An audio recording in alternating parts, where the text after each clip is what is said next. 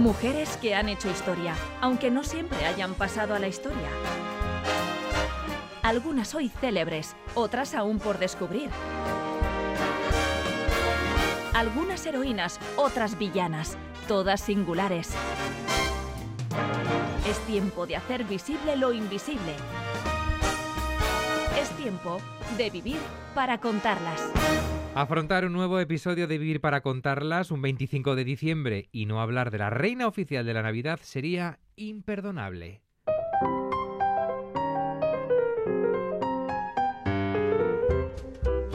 Repasamos hoy la trayectoria de la cantante, compositora, productora musical y actriz estadounidense María Carey, Maraya, una de las artistas con mayores ventas de todos los tiempos. Edurne Vaz, ¿qué tal? Hola. Hola, muy bien. Y vamos a afrontar la biografía de una de las divas más kitsch de la historia de la música y, como decíamos, superventas. Y tanto que sí se calcula que a lo largo de su carrera ha vendido más de 200 millones de producciones musicales en todo el mundo. Es la solista con la mayor cantidad de sencillos número uno en la lista Billboard Hot 100, con un total de 21 nada menos, poseedora de cinco premios Grammy, entre otros muchos reconocimientos.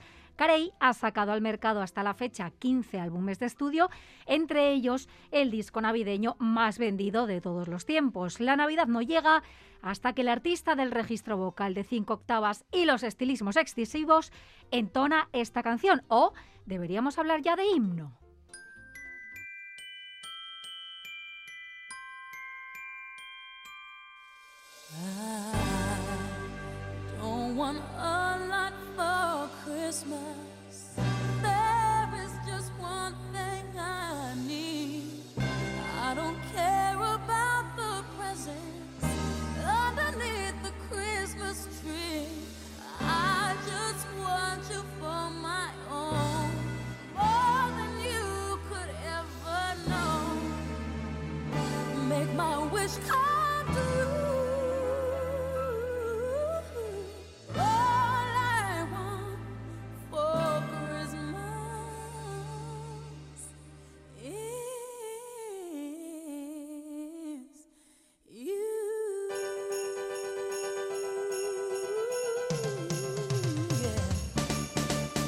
Pues arrancamos con María Carey, que nació el 27 de marzo de 1969 en Huntington, Long Island, perteneciente al estado de Nueva York.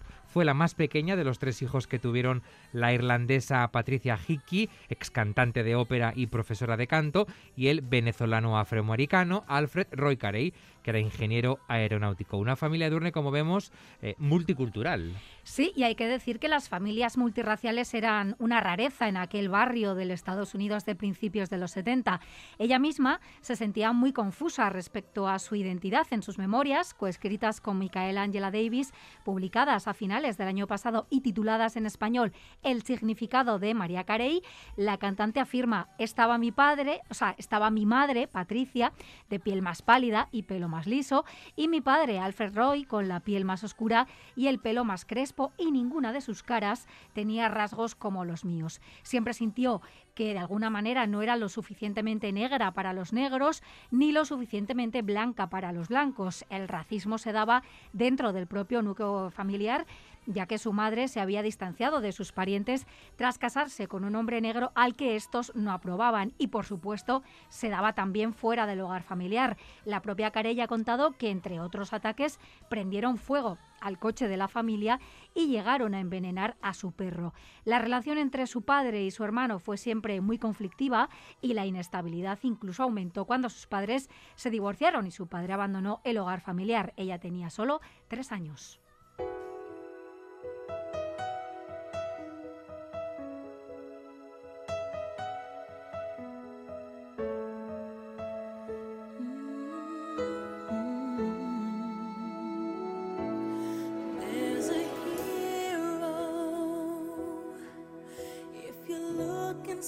Pues vamos a escarbar un poco más en la biografía de María Carey y en la relación con su madre y con sus dos hermanos, que siempre ha sido, por cierto, muy conflictiva, muy compleja y sin duda, como vamos a ver, también tóxica. Si su hermano Morgan era, según el testimonio de la cantante, un joven problemático y muy violento que la aterrorizaba. En sus memorias afirma, para cuando era una chiquilla ya había desarrollado el instinto para percibir cuándo se acercaba la violencia. Como si oliera a la lluvia, podía distinguir cuándo los gritos de los adultos habían llegado a cierto tono y a cierta velocidad, que significaba que debía buscar cobijo. Cuando mi hermano estaba en casa, no era raro que se agujerearan las paredes a puñetazos o que algunos objetos salieran volando. Como vemos, la cantante vierte en sus memorias, en su biografía, eh, gravísimas acusaciones y podemos decir además que la peor parada de todas es su hermana em, Alison. ¿Qué dice de ella? Bueno, sobre ella afirma, cuando tenía 12 años, mi hermana me drogó con Valium, me ofreció una uña de su dedo meñique llena de cocaína y trató de venderme a un proxeneta.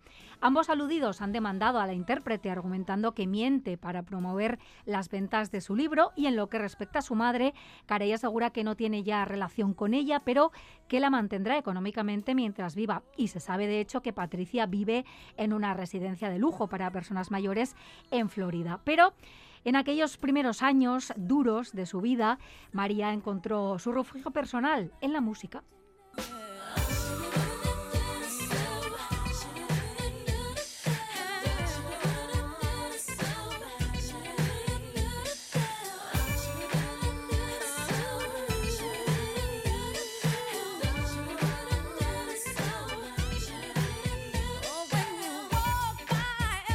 María Carey recuerda, por ejemplo, cómo desde que era muy pequeña le gustaba observar eh, a su madre cuando cantaba. La recuerda en particular ensayando la ópera Rigoletto de Verdi. ¿Cómo le influyó Edurne eh, que su madre fuera cantante? Bueno, además de cantante, como decíamos antes, era también profesora de canto y fue escuchando e imitando a su madre como sin duda aprendió a cantar. Carey es célebre, de hecho, por poseer un registro vocal de soprano y abarcar cinco octavas. A este cóctel añadió, por supuesto, las influencias de la música con la que creció. El soul de Billie Holiday, Sarah Vaughan o Aretha Franklin, el gospel y también el hip hop. Su incursión en la música fue muy prematura, tanto que en sus memorias confiesa que lloró cuando cumplió 18 años porque pensó que era un fracaso no tener todavía un contrato discográfico a esa edad. La niña que se había sentido invisible soñaba con ser vista y escuchada. Tras mudarse a Nueva York, estudió estética y aceptó diversos trabajos para pagar el alquiler como chica de guardarropa, peluquera o camarera y al tiempo seguía componiendo canciones y colaboraba como corista con otros artistas. Una de estas artistas, la cantante Brenda. Starr, le facilitó a la ambiciosa Maraya o María el golpe de suerte que necesitaba.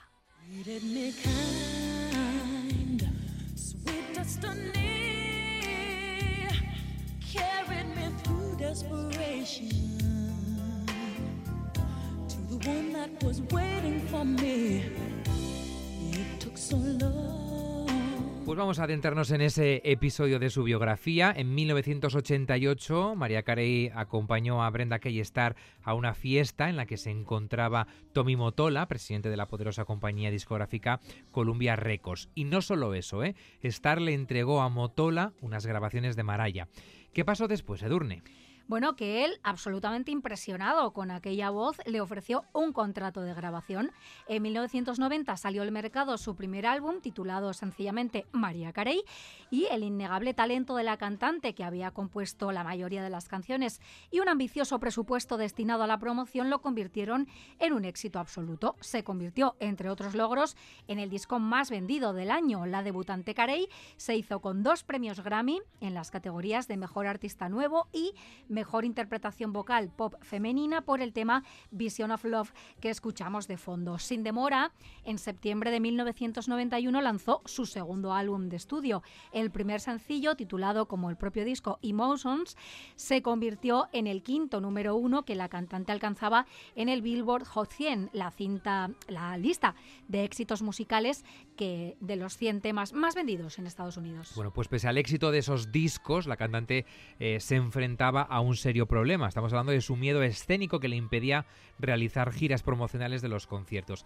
¿En qué clases de rumores se desataron precisamente por este hecho? Algo muy raro, ¿no? Que una artista nueva no de conciertos. Bueno, algunos medios de comunicación empezaron a especular con la posibilidad de que las notas altas de las que hacía gala la cantante fueran en realidad el resultado de un atinado trabajo de estudio. Cualquier duda fue disipada, en cualquier caso, en marzo de 1992, cuando realizó su primer concierto acústico en vivo en el programa MTV Unplugged, que editado en forma de disco sumó otro indiscutible éxito a la carrera de Carey, que no obstante tocaría techo en 1993 con la publicación del álbum Music Box. Pese a que la crítica consideró que sonaba demasiado comercial, superficial y sin pasión, el disco fue un absoluto éxito comercial. Es de hecho el álbum más vendido de toda su carrera y uno de los más vendidos de la historia. Con él rompió además la maldición de las giras. Music Box Tour fue la primera de las muchas que vendrían en el futuro, con temas además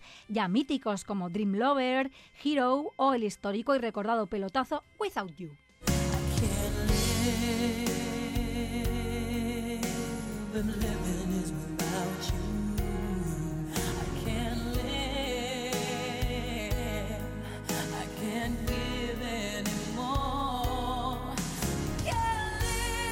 Pelotazo que todos recordamos, este Without You de María Carey, que estaba viviendo de alguna forma ese sueño, ¿no? Eh, ya había pasado los 18 años, era muy joven todavía y estaba cosechando enormes eh, éxitos, ¿no? Como decimos, protagonizando siempre al tiempo lo que parecía una reedición del cuento de la Cenicienta. ¿Por qué decimos esto? Porque en este punto de la historia aparece junto a ese éxito profesional el amor. Bueno, eso pensaba ella, el todopoderoso Tommy Motola, que había contribuido al éxito de artistas como Carly Simon, había colaborado con Barbara Streisand, Gloria y Emilio Estefan o Billy Joel, y que en el futuro trabajaría también con George Michael, Celine Dion, Michael Jackson, Lauren Hill, Destiny's Child o Thalía, que, spoiler alert, acabaría convirtiéndose también en su tercera esposa. Dejó a su mujer, con la que llevaba dos décadas casado y con la que tenía dos hijos, por María Carey. Se casaron el 5 de junio de 1993 en una ostentosa ceremonia que contó con ilustres invitados, incluido el actor Robert De Niro, que ejerció de padrino. Sin duda, formaban una de las parejas más exitosas de la industria musical del momento, aunque la cantante, que entonces tenía solo 23 años, confiesa en sus memorias. Para mí, Tommy era una potente combinación de figura paterna, Pigmalión, socio empresarial, confidente y compañía. Nunca hubo en realidad una atracción sexual o física fuerte, pero en aquel tiempo yo necesitaba seguridad y estabilidad, una sensación de hogar más de lo que necesitaba un novio. Y añade, Tommy era 21 años mayor que yo, podría haber sido mi padre, también era el jefe de mi estudio. No había ninguna mujer sabia cerca de mí que me advirtiese acerca de que la dinámica de poder en nuestra relación no estaba al 50%. Yo era muy fácil de manipular, pero la dinámica de mi relación con Tommy era compleja. De muchos modos, Tommy me protegía de mi familia disfuncional, pero se fue al extremo, me controlaba y vigilaba. Aunque ese control también significaba que en esos años del principio toda mi concentración, mi energía y mi pasión estaban en escribir, producir y cantar mis canciones. Tommy y su dominio completo de mis movimientos parecían un precio justo a pagar por conseguir trabajar en lo que siempre había soñado. Él tenía mi vida, pero yo tenía mi música. Pues en esta relación que eh, aparentemente puede ser algo eh, tóxica o desde luego no estaba equiparada, no estaba al 50%, ¿no? Eh, hay más elementos que añadir. Por ejemplo, la lujosa mansión que ambos compartían y que dicho sea de paso, habían pagado a medias, no era sino una jaula de oro a la que Carey solía referirse como Sin Sin, en alusión a la célebre prisión de máxima seguridad del estado de Nueva York. ¿Cómo era para ella vivir en esa mansión, en esa jaula de oro? Pues absolutamente claustrofóbico. El servicio personal vigilaba cada uno de sus movimientos, incluso dentro de su propia casa, que estaba plagada de cámaras de seguridad. No tenía permiso para salir sola y cada una de sus actividades era supervisada por guardaespaldas que ejercían al tiempo de guardianes. María decidió poner fin a su matrimonio cuando, según su testimonio, Motola cogió el cuchillo de la mantequilla y lo presionó contra su mejilla derecha. Aquel fue su límite personal y también le animó a dar el paso la aparición en su vida de la estrella de los Yankees, Derek Jeter, con el que vivió un romance que en sus propias palabras fue el catalizador que necesitaba para salir del control paralizante de Tommy y entrar en contacto con su sensualidad. Oh.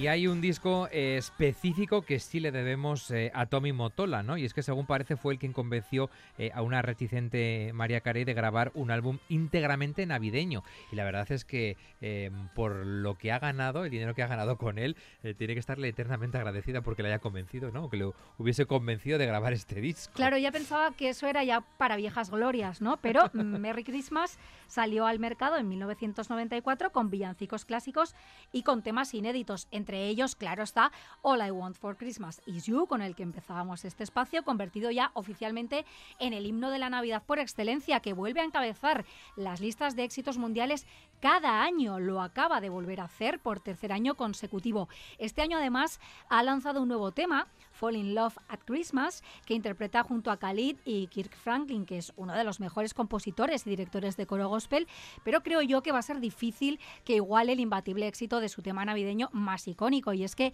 no solo es el sencillo más vendido de la cantante, sino que se incluye en el disco navideño más vendido de la historia. Con más de un cuarto de siglo de vida, la canción se ha convertido en una golosísima fuente de ingresos pasivos para la cantante. Se calcula que solo en concepto de derechos de autor le ha proporcionado más de 60 millones de dólares. Que es un dineral para una sola canción. Bueno, yo no soy capaz ¿eh? ni de imaginarlo. 60 millones de dólares. Bueno, pues se ha convertido, además de en fuente de ingresos para María Carey, en la canción de los récords Guinness, porque cuenta con tres nada menos. ¿Cuáles son?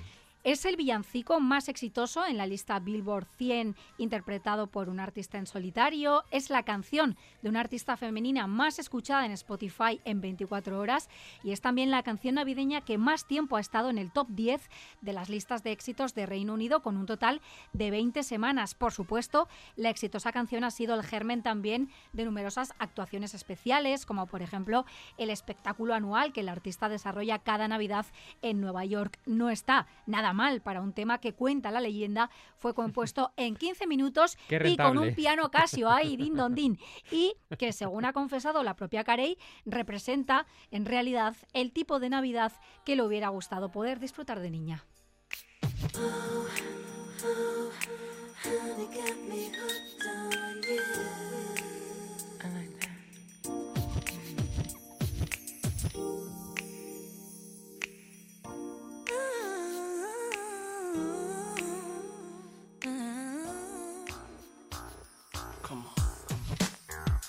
Seguimos avanzando en Vivir para contarlas en esta historia de María Carey, de Maraya, hasta el momento plagada de éxitos musicales, pero una relación amorosa, decíamos, ciertamente tóxica o al menos no equiparada, ¿no? Pero vamos a seguir con el terreno musical, luego volveremos a, su vida personal. Bueno, Daydream fue el quinto álbum de estudio de María Carey que hizo historia cuando el segundo sencillo, One Sweet Day, una colaboración con el grupo Boys to Men, se mantuvo un récord de 16 semanas en el número uno del Hot 100.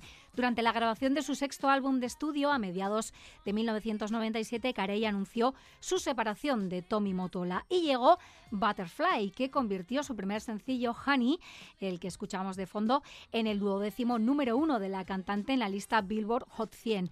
Ese mismo año contribuyó a la banda sonora de la película animada El Príncipe de Egipto, interpretando junto a otra gran diva, la cantante Whitney Houston, la canción When You Believe, que se llevó el Oscar a la mejor canción original.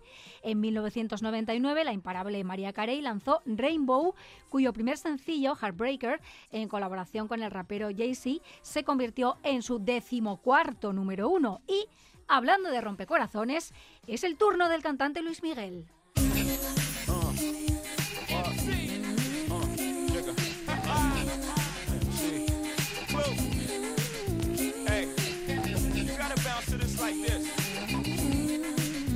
gotta watch it.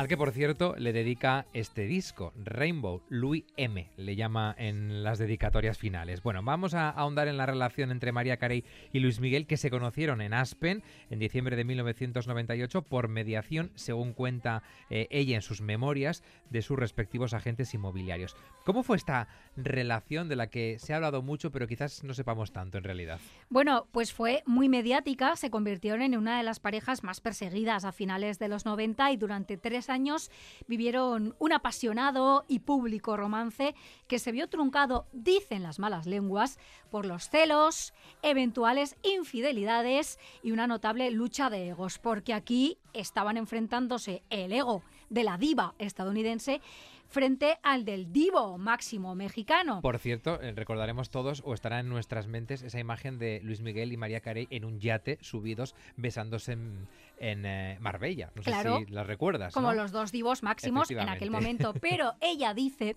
que eh, él no llevaba bien que ella fuera, al menos en Estados Unidos, la estrella del show, ¿no? Así que, bueno, rompieron y hay que decir que esta ruptura dejó a la cantante devastada. Ingresó en una clínica de rehabilitación a la que ella se refería como spa y es que eh, su mal de amores, también hay que decir, no era el único problema con el que el artista tenía que lidiar por aquel entonces.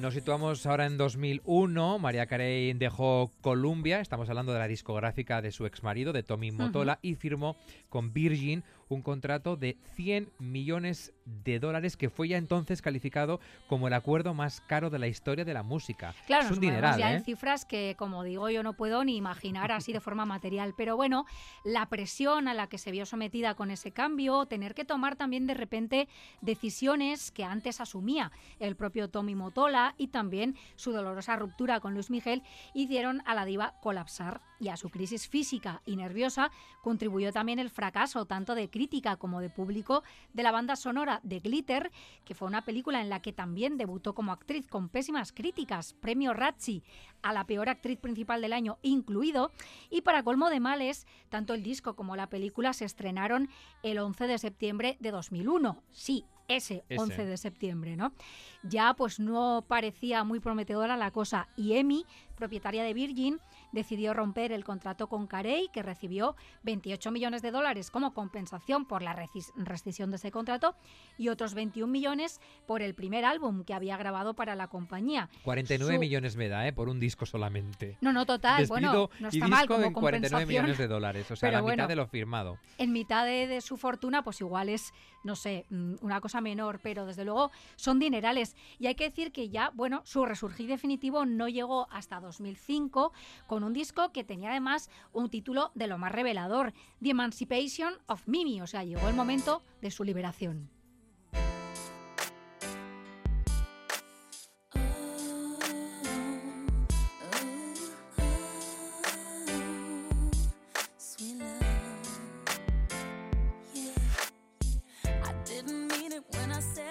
Estamos escuchando el segundo sencillo de este disco, We Belong Together, que se convirtió además en el mayor éxito de su carrera puntualizando, ¿eh? tras su divorcio. Exactamente, fue la canción más radiada de aquel año en Estados Unidos y su decimosexto número uno. En los premios Grammy de 2006, María Carey fue nominada en ocho categorías y se hizo con tres de ellas. En 2008 logró con Touch My Body, perteneciente al disco EMC2 al cuadrado, e igual AMC2 al cuadrado, esa fórmula también histórica, su décimo octavo. La teoría de la levedad. Exactamente, de Einstein. Bueno, pues consiguió su octavo número uno y desde entonces ha publicado cuatro álbumes de estudio más. También ha conseguido resarcirse de su primera incursión en el cine porque el papel que interpretó en la película Precious de 2009 fue galardonado con el premio a la interpretación más importante en el Festival Internacional de Cine de Palm Springs. Y volvió a enamorarse, en este caso, del rapero y humorista Nick Cannon, padre de sus mellizos, Morocan y Monroe, con el que se casó en 2008 y ay, del que se divorció en 2016.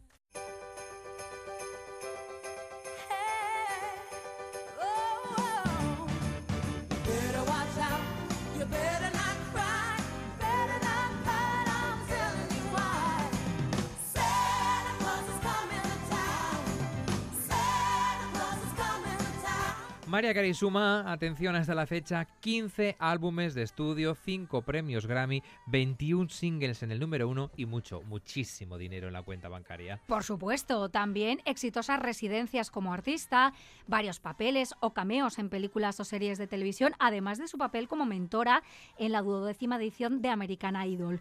Cuenta con una exitosa línea propia de perfumes y, por supuesto, con una legendaria reputación de gran diva de las de antaño. La impuntual excéntrica y caprichosa estrella que cuando viaja pide cosas como rosas blancas o corderitos de peluche, que afirma bañarse en leche y dormir con 20 humidificadores alrededor de su cama, que se deja miles y miles de euros en sus recurrentes jornadas de shopping, que luce rimbombantes y muy brillantes estilismos, que ha sucumbido a varios y muy caros retoques estéticos, que ha protagonizado varias y recordadas apariciones públicas en un evidente estado de embriaguez, que se permite afirmar en público que ella no sabe quién es Jennifer López y que mantiene mediáticas batallas judiciales con sus colaboradores más cercanos. Fuente permanente de jugosos titulares, la diva parece dejar muy claro que pese a ser dueña de una incalculable fortuna, todavía no está dispuesta a ceder el trono.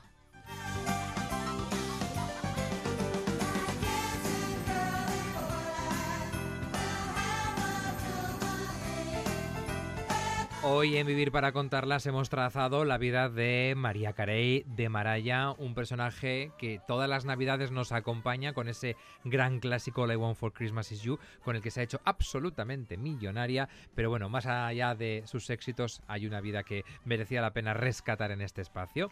Que lo una hemos hecho... parte de la cual eh, fue bastante dura y que ella intenta precisamente canalizar en ese tema con el que a todos también pues, nos transmite esa alegría de la Navidad y nos conecta con la infancia, ¿no? Edu Rebaz, es que ricasco y que pases un buen día de Navidad. Lo mismo, agur.